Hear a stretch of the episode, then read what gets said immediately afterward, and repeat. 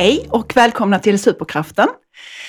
Maria Imperatore här i studion idag tillsammans med Linda Harvigsson. Välkommen! Tack! Vi ska prata om bipolaritet, hur det är att som barn växa upp tillsammans med en förälder som lider av just bipolär sjukdom. Linda, du, jag vill att du ska berätta om din uppväxt, hur det började från början helt enkelt. Du har vuxit upp tillsammans med, du började, du började i en kärnfamilj. Ja, det gjorde jag. Eh, med en storebror och en storasyster, mamma och pappa. Eh, vi flyttade dit där pappa fick jobb och eh, landade i Åhus. Där jag har min uppväxt och eh, där mina föräldrar också skilde sig. Och då var jag fem och ett halvt år.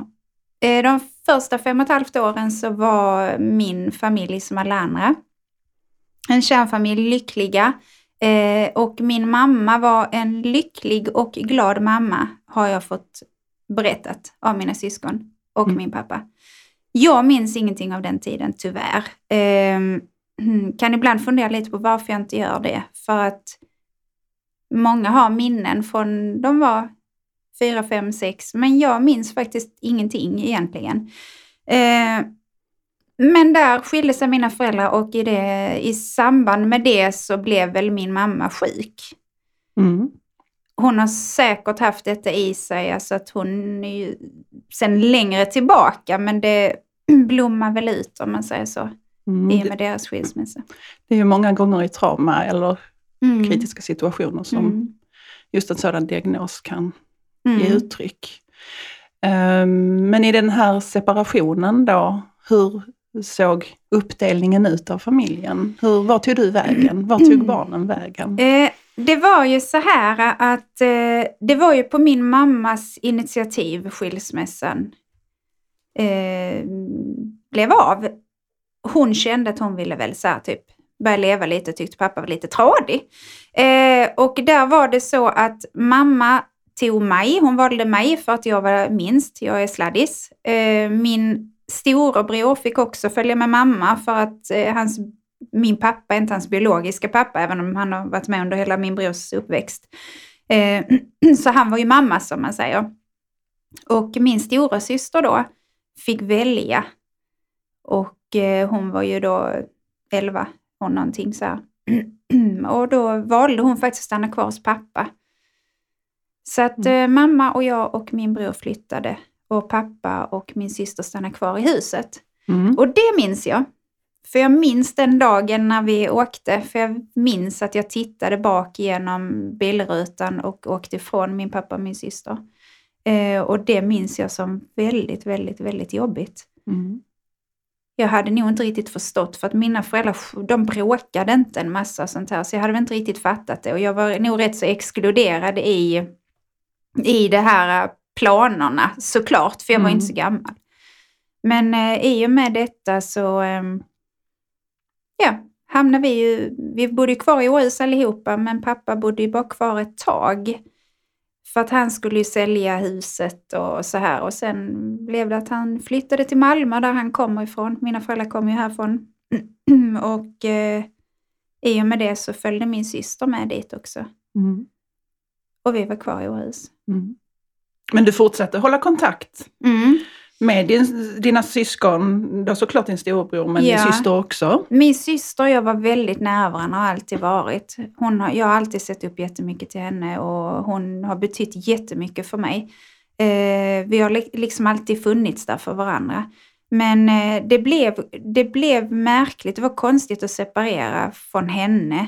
Eh, hon flyttade med pappa till Malmö men det funkade inte riktigt. Pappa jobbar väldigt mycket. Hon kände sig ensam, kom inte riktigt in i skolan och så här. Kände sig liksom inte hemma och hon saknade oss. Mm. Så att hon bodde med honom ett tag. Vi hälsade på varannan helg hos pappa. Eh, det gjorde vi hela tiden, liksom under, från början.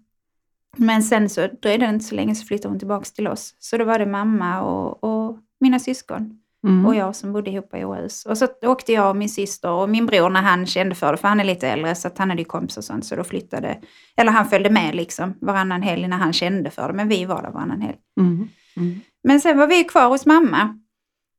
Och där blommade ju hennes, eh, sjukdom upp på något vis i att hon var, som jag minns det så, så var det väldigt mycket mani i början. Kom detta Ganska Snart. direkt ja. Ja. Ja, Mm. det tycker jag. Mm. Eh, det, det är ju så här, vi är tre syskon och vi Mm. är... ehm, där, där är lite åldersskillnad. Jag är ju sex år yngre än min syster och tio år yngre än min bror. Och vi har väldigt eh, olika syn på vår uppväxt. Mm. Så att jag kan ju tala från mig bara. Och jag kände väl... Jag, jag, jag, kände, jag kände från den dagen mina föräldrar skildes så kände jag att jag var utanför familjen och tittade in. Och den känslan har jag burit med mig alltid. Som att jag tittar in i ett dockskåp på alla andra. Mm. Eh, det var en sorg för mig när, när de skilde sig. Och det var en sorg för mig att min mamma helt plötsligt inte var den där starka, trygga människan som, som jag hade känt tidigare. Och en sorg att min pappa försvann Mm. på något vis. Ja, för det gjorde han ju i och med att han flyttade Mm. så långt ifrån dig. Ja, Samtidigt hade han kunnat bo kvar i samma stad, men han fanns ju inte där nej, på det viset. nej. Men om vi då kommer in på själva sjukdomsförloppet här. Du Mm. säger att det, på, det, det startar rätt så snart. Mm. Ehm, hur börjar det? Hur börjar du som liten flicka? Då är du fem år gammal. Mm, ja, jag, jag fyller väl sex där och eh, min mamma, hon ville ju börja leva ut lite grann så här. Hon var ute och dansade ganska så mycket. Min syster tog hand om mig då. Eh, och det tyckte jag var jättemysigt. Så här. Men det blev ju också det att mamma började ju träffa lite män. Eh, det var en hel del karlar, om man säger så. Vi bor i en liten, liten ort och eh, alla vet allt om alla. Det är en ort där många har det väldigt bra, välbärgat och har trygga kärnfamiljen. Vi stack väl lite ut där då. Efter att eh, mamma var själv med oss. Eh, det, det började bli så här att mamma, inga jobb var speciellt bra. På alla arbetsplatser, så från början så var alla arbetsplatser fantastiska, kollegorna var fantastiska, jobbet var så bra. Sen efter ett tag så var det inte så bra. Då, var, då hittade man fel och folk var idioter och, och det, där trivs vi inte. Samma sak med väninnor. Väldigt svårt för henne att behålla väninnor. Hon hade några stycken då som var lite nära men som att hon, hon hittade alltid fel. Alltid fel. Alla var fantastiska i början och sen så var de skit. Um, hon var väldigt kritisk mot folk och eh, tyckte liksom att ja, men alla andra har det så bra, alla andra tror de är någonting och det, du vet så här. Eh, och det påverkar ju en. Eh, träffa många män som inte var bra. Eh, tog, började jobba med eh, alkoholister, ett sånt här boende där man slussas ut efter att man har varit inlagd eh, då på avgiftning och sen så får man bo i ett stort hus eh, innan man får sin egen lägenhet. Och där började mamma jobba. Ehm, där hon också tog med oss barn. Jag trivdes aldrig så bra på fritids, dagis och sånt här. Så att efter skolan så fick jag komma dit. Så där var mitt fritids eh, i det här stora huset. Och eh, där var ju min mamma så att det borde ju vara en trygg plats. Men kanske inte att eh, ha ett barn där då som är kanske en så här sju, åtta år där det är fullt med alkoholister som kommit ut från AK som kanske inte riktigt sköts som sköter det de ska.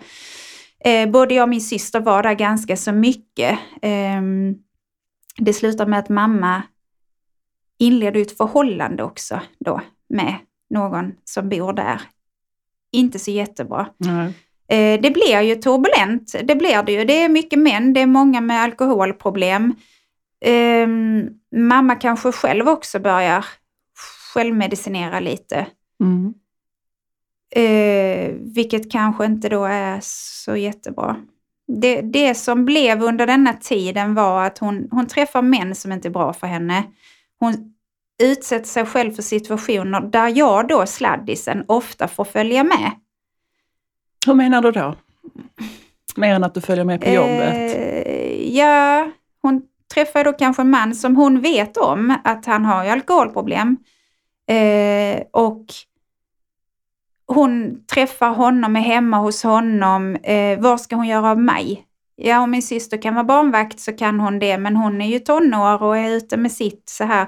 Men då tar hon med mig och så får jag sitta med när de då kanske dricker på lite grann. Det blir bråk. Eh, jag ska försöka sova, för det är bra om jag får sova så de kan få vara själva och det blir ju inte jättebra. Eh, och då är det ju då, då slutar det ofta med bråk där jag kan bli då väckt, vilket jag inte blev för jag låg ju vaken såklart. Där man så mitt i natten ska gå hem. Mm. Och då drar man ut och så promenerar man mitt i natten med mamma då som är jättearg, upprörd och ledsen. Och påverkad. Ja, såklart var hon det. Mm. Eh, Sådana situationer. Eh, som, som det, det påverkar en. Då kan man tänka sig att ja, ja, men det var ju ett alkoholproblem. Men detta är ju kopplat med hennes sjukdom. Mm. En sjukdom som hon själv aldrig under sin livstid kunde erkänna. Nej. Hon medicinerade inte. Hon självmedicinerade med vin. Mm. Men eh, hon, eller hon medicinerade inte för att hon hade inga problem.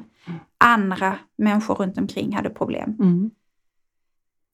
Sen är det ju så att vänner till mig och till då min syster och min bror tyckte att vår mamma var helt fantastisk. Mm. De tyckte hon var så himla glad och rolig och hon hade galna upptåg och det, det skulle bakas ibland och då, då så, så bakade man allt möjligt på samma gång. Eller så bakade man kanelbullar och då behövde det inte vara kanelbullar utan man kunde ha allt, man kunde ha godis i, man kunde ha vad man ville. Och det tyckte ju då alla så kompisar att gud hon är ju skitrolig. Alltså hon är så himla spexig. Jag tyckte inte det. Hur kände du för din mamma då? Jag kunde skämmas rätt mycket över henne. Men jag var mer oroad. Jag hade en väldigt stor oro för min mamma för att jag såg henne ta med mig på så mycket galenheter. Jag såg henne i situationer där hon var arg och bråkade och var ledsen och upprörd med vänner eller med män. Eh, Men som jag sa från början, jag stod alltid utanför och tittade in och även om jag bara var kanske sju år vid händelser eller jag var tio eller jag var tolv så stod jag alltid vid sidan om och tänkte det här är inte bra. Och kände mig som den vuxne. Mm. Den vuxna som inte kunde säga till barnet, som då var min egen mamma, att det här är inte bra. För skulle någon av oss säga det till henne så blev hon vansinnig. För det var inte fel på henne, det var fel på alla andra. Mm. Sen kunde det också vara att eh, det storstädades, det bakades, det lagades mat, det var så här high life. Och sen en annan dag så var den manin över och då var hon jättedeprimerad. Då eh, rullar rullade hon inte upp gardinerna, alltså hon öppnade inte gardinerna, rullade inte upp persiennerna, låg i soffan med en filt, eh, rullade cigaretter, rökte, hade tvn igång och var ledsen. Och kände sig som världens mest ensamma människa i hela världen. Och om då min syster till exempel, hon vill åka hem till sin pojkvän eller så här, så var det så, ja, ja, gå du. Gå du och lämna mig här, gör det. Du ser hur ledsen jag är, du ser hur dåligt jag mår, men du är så egoistisk. Så du går härifrån och lämnar mig. Men gör du det? Har du det på ditt samvete? Och det var jättejobbigt, jätte, jättejobbigt. Min syster har fått så mycket skit eh, under denna perioden, när mamma mådde fruktansvärt dåligt. Så var hon, hon för att hon var Mm. mammas sällskapsdam. Mm. Hon, hon skulle vara med tyckte mamma när mamma var på gott humör och det skulle drickas lite vin innan man skulle ut och dansa och sånt där. Så ville hon gärna förfesta lite min syster och hennes kompisar. Och, och vilket min systers kompisar tyckte wow, häftigt, gud vad roligt. Mm. Ehm, och och när, lika väl då när det inte passade mamma, då var hon inte snäll Nej. mot henne. För då så ville hon ge henne dåligt samvete, tyckte hon var egoistisk, tyckte det, det ena och det femte. Så att det var väldigt svårt att anpassa sig. Och där hade ju min syster och mamma ett ganska hett temperament bägge två. Så att där kunde det tända till ordentligt och min syster gick ändå och liksom så här trotsade lite Mm. eh, på det. Vilket alla normala tonåringar gör Mm. och bör. Men jag gjorde inte det. Vad jag gjorde trotsade du? inte.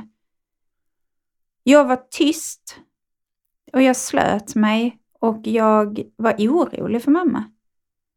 Jag... Observerar du mamma? Mm. Jättemycket. Jag gick nog på tå för mamma alltid. Det gjorde vi nog alla. Min bror kom lite lindrigare undan. Alltså han är, han är ju äldre än oss. Han drog sig undan. Han, ehm, han jobbade.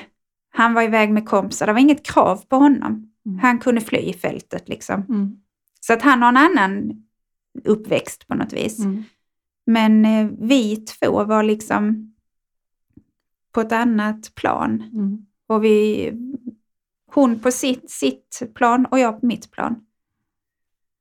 Och jag tror att det blev så, när de skilde sig så, så hade jag en sorg. Och den sorgen bar jag med mig under hela tiden. Sorg och oro. Kände du att du älskar henne? Över allt annat. Mm.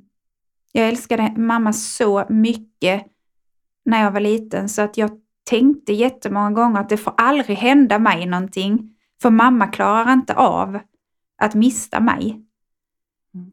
och den, det, Mm. i mitt huvud så låter det så konstigt när jag säger det, men det var min känsla. Mm. Så att jag, jag tassade mycket på tå för henne och jag eh, följde med på många äventyr. För jag hade in, inget val egentligen. Jag, jag sa aldrig ifrån. Men för att man kan också säga här, du visst, när din mamma och pappa levde tillsammans, Mm. Då levde ni i en annan klass i samhället, Mm. om jag inte har Ja. missförstått. Eh, Det är ju ett klassamhälle. Ni Ja. levde i en högre klass. Mm. Sen separerar dina föräldrar, Mm. din mamma och du kommer ner i en annan Mm. nivå. Eh, Vilket också är väldigt omtumlande. Eh, Det här måste också ha påverkat dig väldigt mycket. Det är väldigt många saker som påverkar dig. Din pappa flyttar till stan, Mm. Malmö. Var någonstans i detta, för det här måste ju påverka, din mamma måste få en, en lägre ekonomi. Mm. Mamma var ju, alltså mamma jobbade ju antingen inom äldrevården eller så städade hon. Mm. Och så hade hon ju då tre barn att försörja. Och det, det landar rätt dåligt i en fin ort som Mm. Åhus. Alltså det, Mm. det kommer man inte ifrån. Det var ju det. Vi hade ju inte pengar att köpa det som de andra hade. Och, och sen så var väl inte mamma världens bästa på ekonomi heller. För att det, när, när hon var väldigt uppe, då skulle det ju liksom så unnas lite grann. Mm. Och sen så var man nere och då var man ju också kanske nere på botten i plånboken. Mm. Men eh, hon var ju väldigt givmild. Hon ville ju alltid hjälpa till och hon var ju ändå så här att om någon behövde, behövde någon låna pengar och hon hade 50 kronor så fick den låna 25 kronor. Hon var alltid mån om att alla skulle ha det bra. Men hon kunde ju inte upprätthålla att alla skulle ha bra när hon mådde dåligt. Nej. Och när hon, måd, när hon var nere så blev hon deprimerad och låg, vilket blev aggressivt. Mm. Det var så det yttrade sig. Var hon Mm. någonsin fysisk mot dig? Nej, aldrig. nej. Nej. Hon har gett min, min syster, tror jag, har, har hon väl en gång, jag vet inte om hon har ör, örfilat henne eller någonting, men någon gång har, de, har hon blivit fysisk där.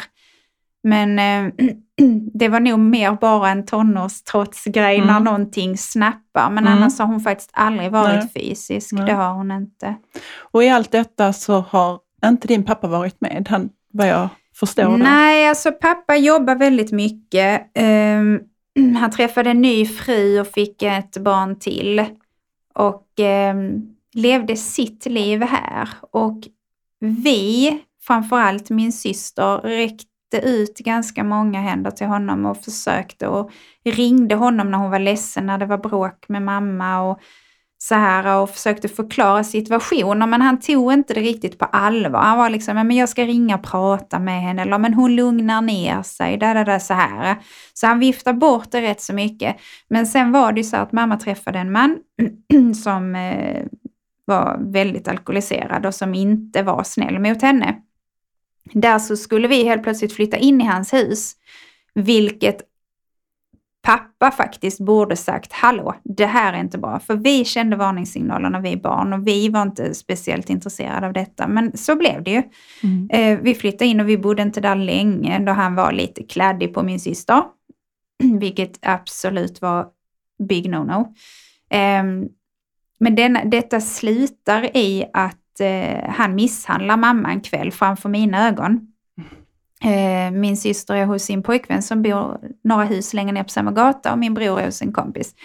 Eh, men jag vaknar ju av detta livet och kommer ner och ser vad som händer. Och då, tar ju, då lyckas ju mamma och jag ta oss ut ifrån detta huset och springa ner till min systers pojkväns hus. Eh, där vi får låsa in oss och hans föräldrar ringer polisen för han springer ju efter oss och är helt galen. Polisen kommer och tar hand om honom och säger liksom packa det nödvändigaste ni har och, så, och, och kör. Detta är mitt i natten. Eh, och vi får tag på min bror som stannar, eller min bror åker faktiskt hem för vi hade en hund då, så han åker hem och ska ta hand om hunden och stanna i huset medan mamma och jag och min syster hoppar i bilen och ska köra till pappa. För att det är det enda mamma kommer på, att vi får åka till pappa, han får liksom rädda oss nu. Eh, men i sus och dus mitt i natten och mitt i vintern så kör vi av vägen eh, och kör in i ett hus.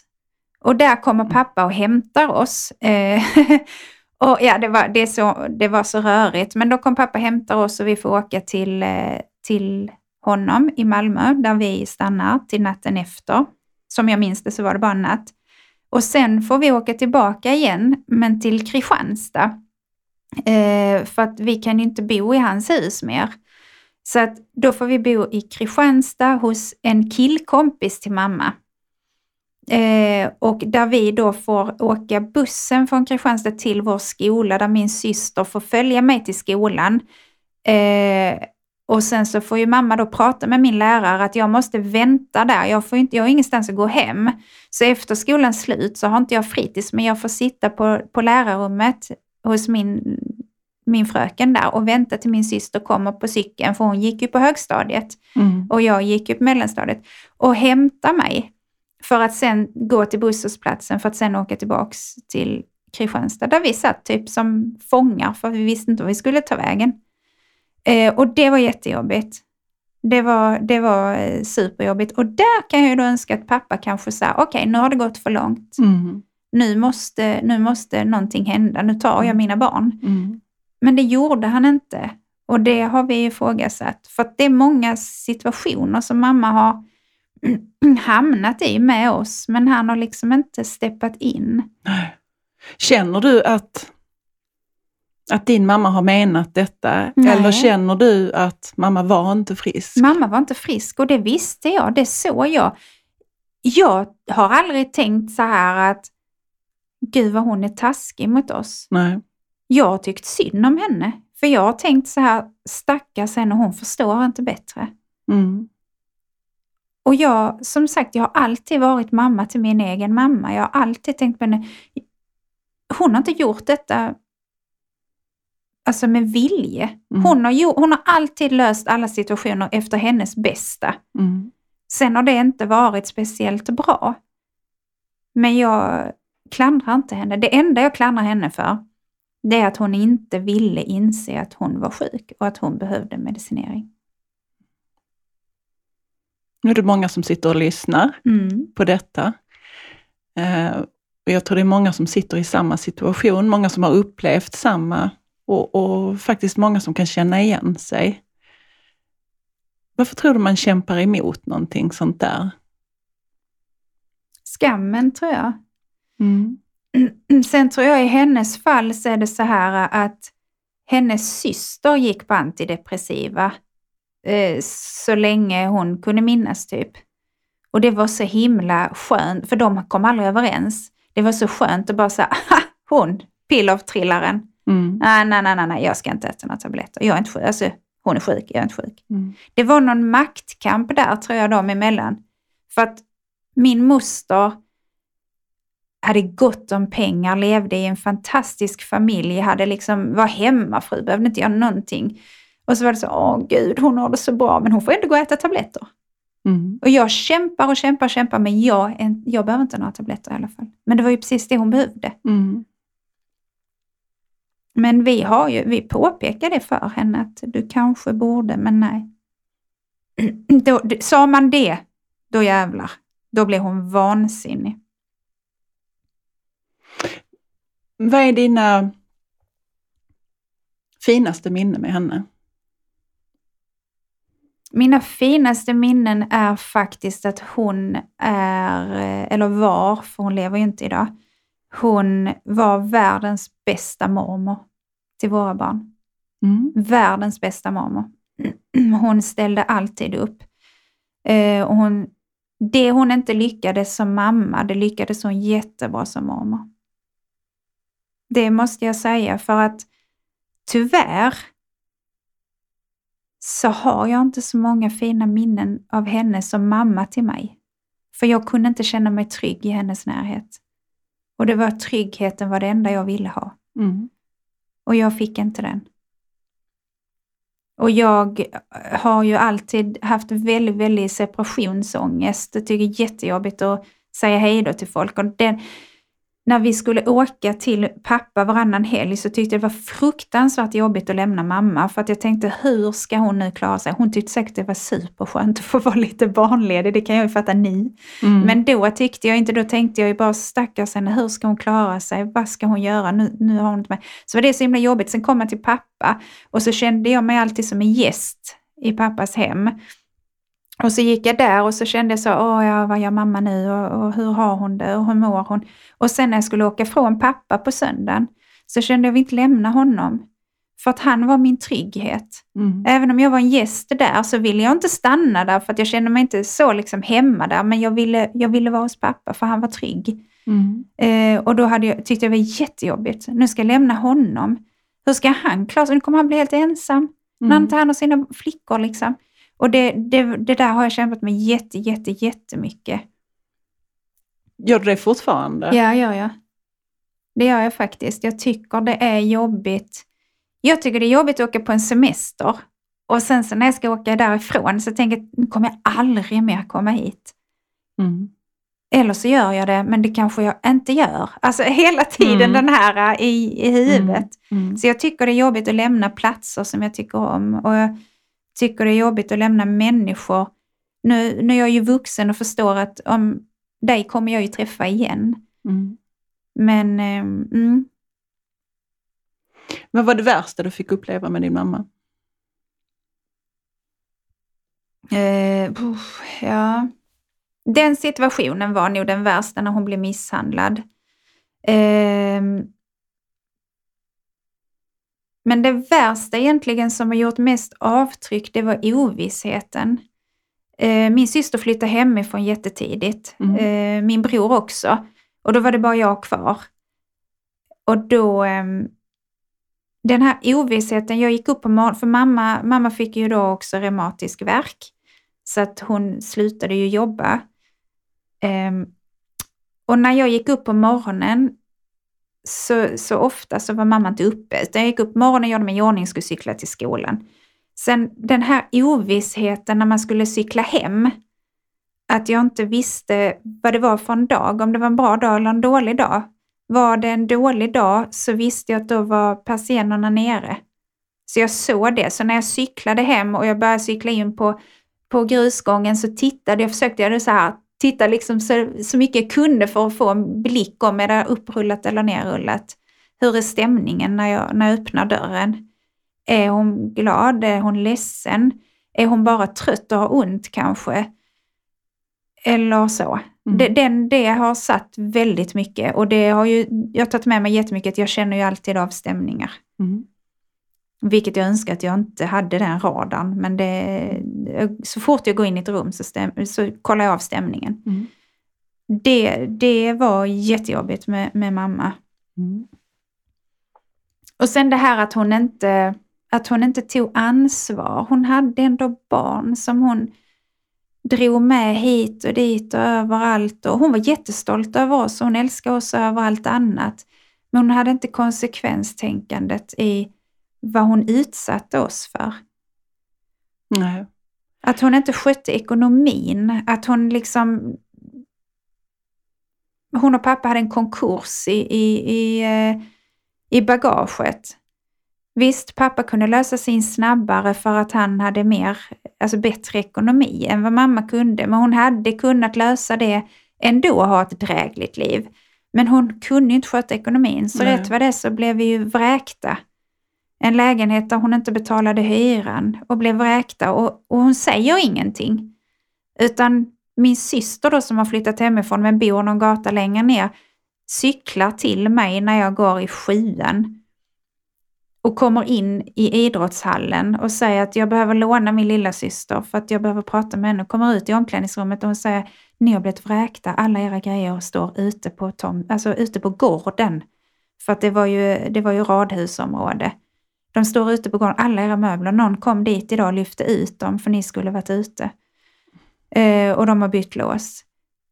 Det var ju jättepinsamt. Mm. Alltså skammen i denna lilla ort där vi liksom försöker magasinera in alla möblerna i min systers lägenhet som precis har en liten bebis och, och liksom har sitt liv. Där ska Mm. vi trycka in oss, liksom alla våra grejer för att invänta, var ska vi bo då? Mm. Vi, och vända sig till socialen, vi har ingenstans att bo. Nej. Var kan vi bo då? Ja men det löste sig sen efter några dagar ju, men då fick vi flytta till en camping, Åhus camping som är ett väldigt fint turistställe. Men där fick ju vi flytta in i en liten 10 kvadratmeter stor stuga och eh, ha en massa enkronor för att kunna gå på toaletten och duscha och tvätta och ringa i telefonautomat och allting sånt här. Och den skammen, jag ju, har ju blivit fantastiskt bra på att ha en fasad och dölja saker som är skamliga för folk runt omkring. För jag vill inte att mina vänner skulle veta det. Jag vill inte att någon i skolan skulle veta att jag bodde på en, en campingstuga. Mm. När alla andra bodde i miljonvillor liksom. Så att då blev det ju så att det var ju bara så här att ha skenet uppe. Mina två allra bästa vänner, de visste om det och de svor på att inte säga det till någon, vilket de höll. Sen cyklade jag ju otroliga omvägar för att ingen skulle se vart jag cyklade när jag skulle cykla hem. Men det var ingen som visste det. det jag, jag lyckades hålla det hemligt. Mm. Men där bodde vi ju, ja, jag har tidsbegrepp, men ett halvår kanske. Mm. Och det här är väldigt vanligt. Det här är Mm. fruktansvärt. Det är jättevanligt. Mm. Det här är ett rätt vanligt scenario Mm. i denna sjukdomsbilden. Mm. Och det här är ju inte någonting som din mamma hade velat. Hade hon fått välja Mm. så hade hon ju inte utsatt er för detta. Nej, för att hon gjorde trots allt och trots alla berg och dalbanor Mm. vi har åkt med henne, Mm. Så gjorde hon sitt bästa Mm. varje dag. Mm. Och hon slutade aldrig älska oss. Hon visade sin kärlek för oss otroligt mycket, så vi var väldigt, väldigt älskade. Mm. Men ehm, Men här skulle samhället gått in.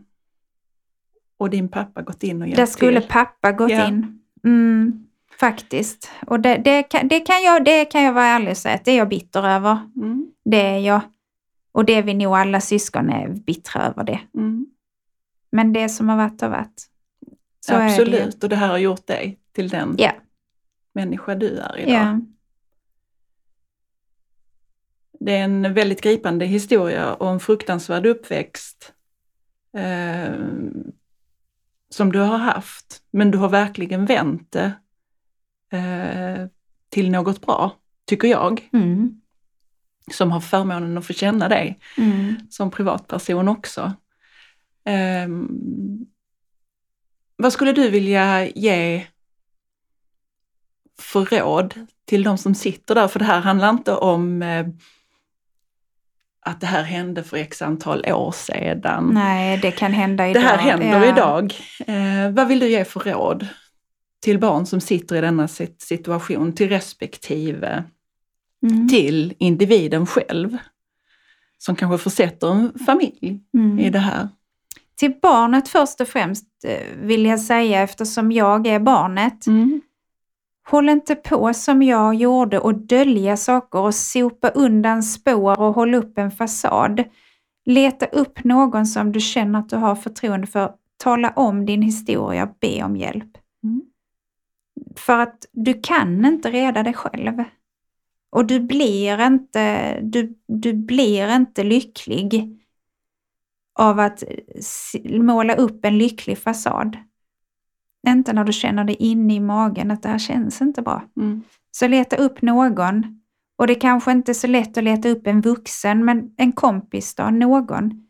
Ta emot hjälpen. Det är, det är skitjobbigt och jag gjorde inte det, men jag önskar att jag hade gjort det. Mm. Ehm, till föräldern, var inte så jädra stolta. Om, om du har möjligheten att känna någonstans inom dig att okej, detta var kanske inte riktigt rätt det jag gjorde nu. För det tror jag ändå att min mamma vid många tillfällen ändå Mm. kanske kände att shit, Mm. det här kanske inte var riktigt bra. Men ta det på allvar och sök hjälp. Det finns hjälp, det finns nätverk. Sök hjälp för dig och dina barns skull. Mm. För att det är så att man behöver inte ha en massa pengar och man behöver inte ha, bara man har tryggheten. Mm. Kärleken hade vi men tryggheten hade vi inte och jag önskar att vi hade haft tryggheten. Och sen så tycker jag ju när man står utanför, om man är separerad, om man känner att mina barn har inte det helt tryggt, har det rätt men stövla in och gör någonting för det är dina barn. Mm. Stå inte där och var lite så här, ja men det är inte mina veckor så jag kan inte lägga mig i. Och där. Men skit i det, för det Mm. handlar om dina barn. Rädda alltid dina barn. Och är du en anhörig, var inte rädd för att kliva in och säga, hallå hur står det till? Mm. Hjälp till för att man behöver hjälp. Även om de säger, jag behöver ingen hjälp, hjälp till. Mm. Var lite påträngande. För ibland behöver man det. Ja, speciellt när det är som värst. Mm. Eh, när man sätter upp de högsta murarna. Mm. Då behöver man vara där och, Mm. och vara lite extra jobbig. Mm, absolut. Tack så jättemycket för att du kom hit idag. Och jag känner att det är lite extra viktigt idag också när vi lever i ett samhälle med Corona. Mm. För det som du säger att du visste inte hur dina dagar såg ut. Du lämnade hemmet när mamma låg och sov Mm. och du visste inte hur det såg ut när du kom hem. Eh, idag sitter många hemma hela dagarna och får genomlida detta. De får inte den här frizonen. Nej, för många barn är det ju det. Att bara få lämna hemmet, få tänka på något annat, inte Mm. oroa sig över föräldrarnas ekonomi, föräldrarnas alkoholintag Mm. Eller vad det än må vara. Att man får glömma, ha lite roligt och komma Ja. bort. Och ibland kan skolan vara det, förskola, allting, Mm. vad det än må vara. Så jag tänker jättemycket på de som sitter hemma nu i det som inte känns bra i magen. För man måste alltid lita på sin magkänsla. Ja. ja, men det måste man. Mm. Stort tack Linda. Tack. Tack för att du kom hit. Tack för att jag fick komma.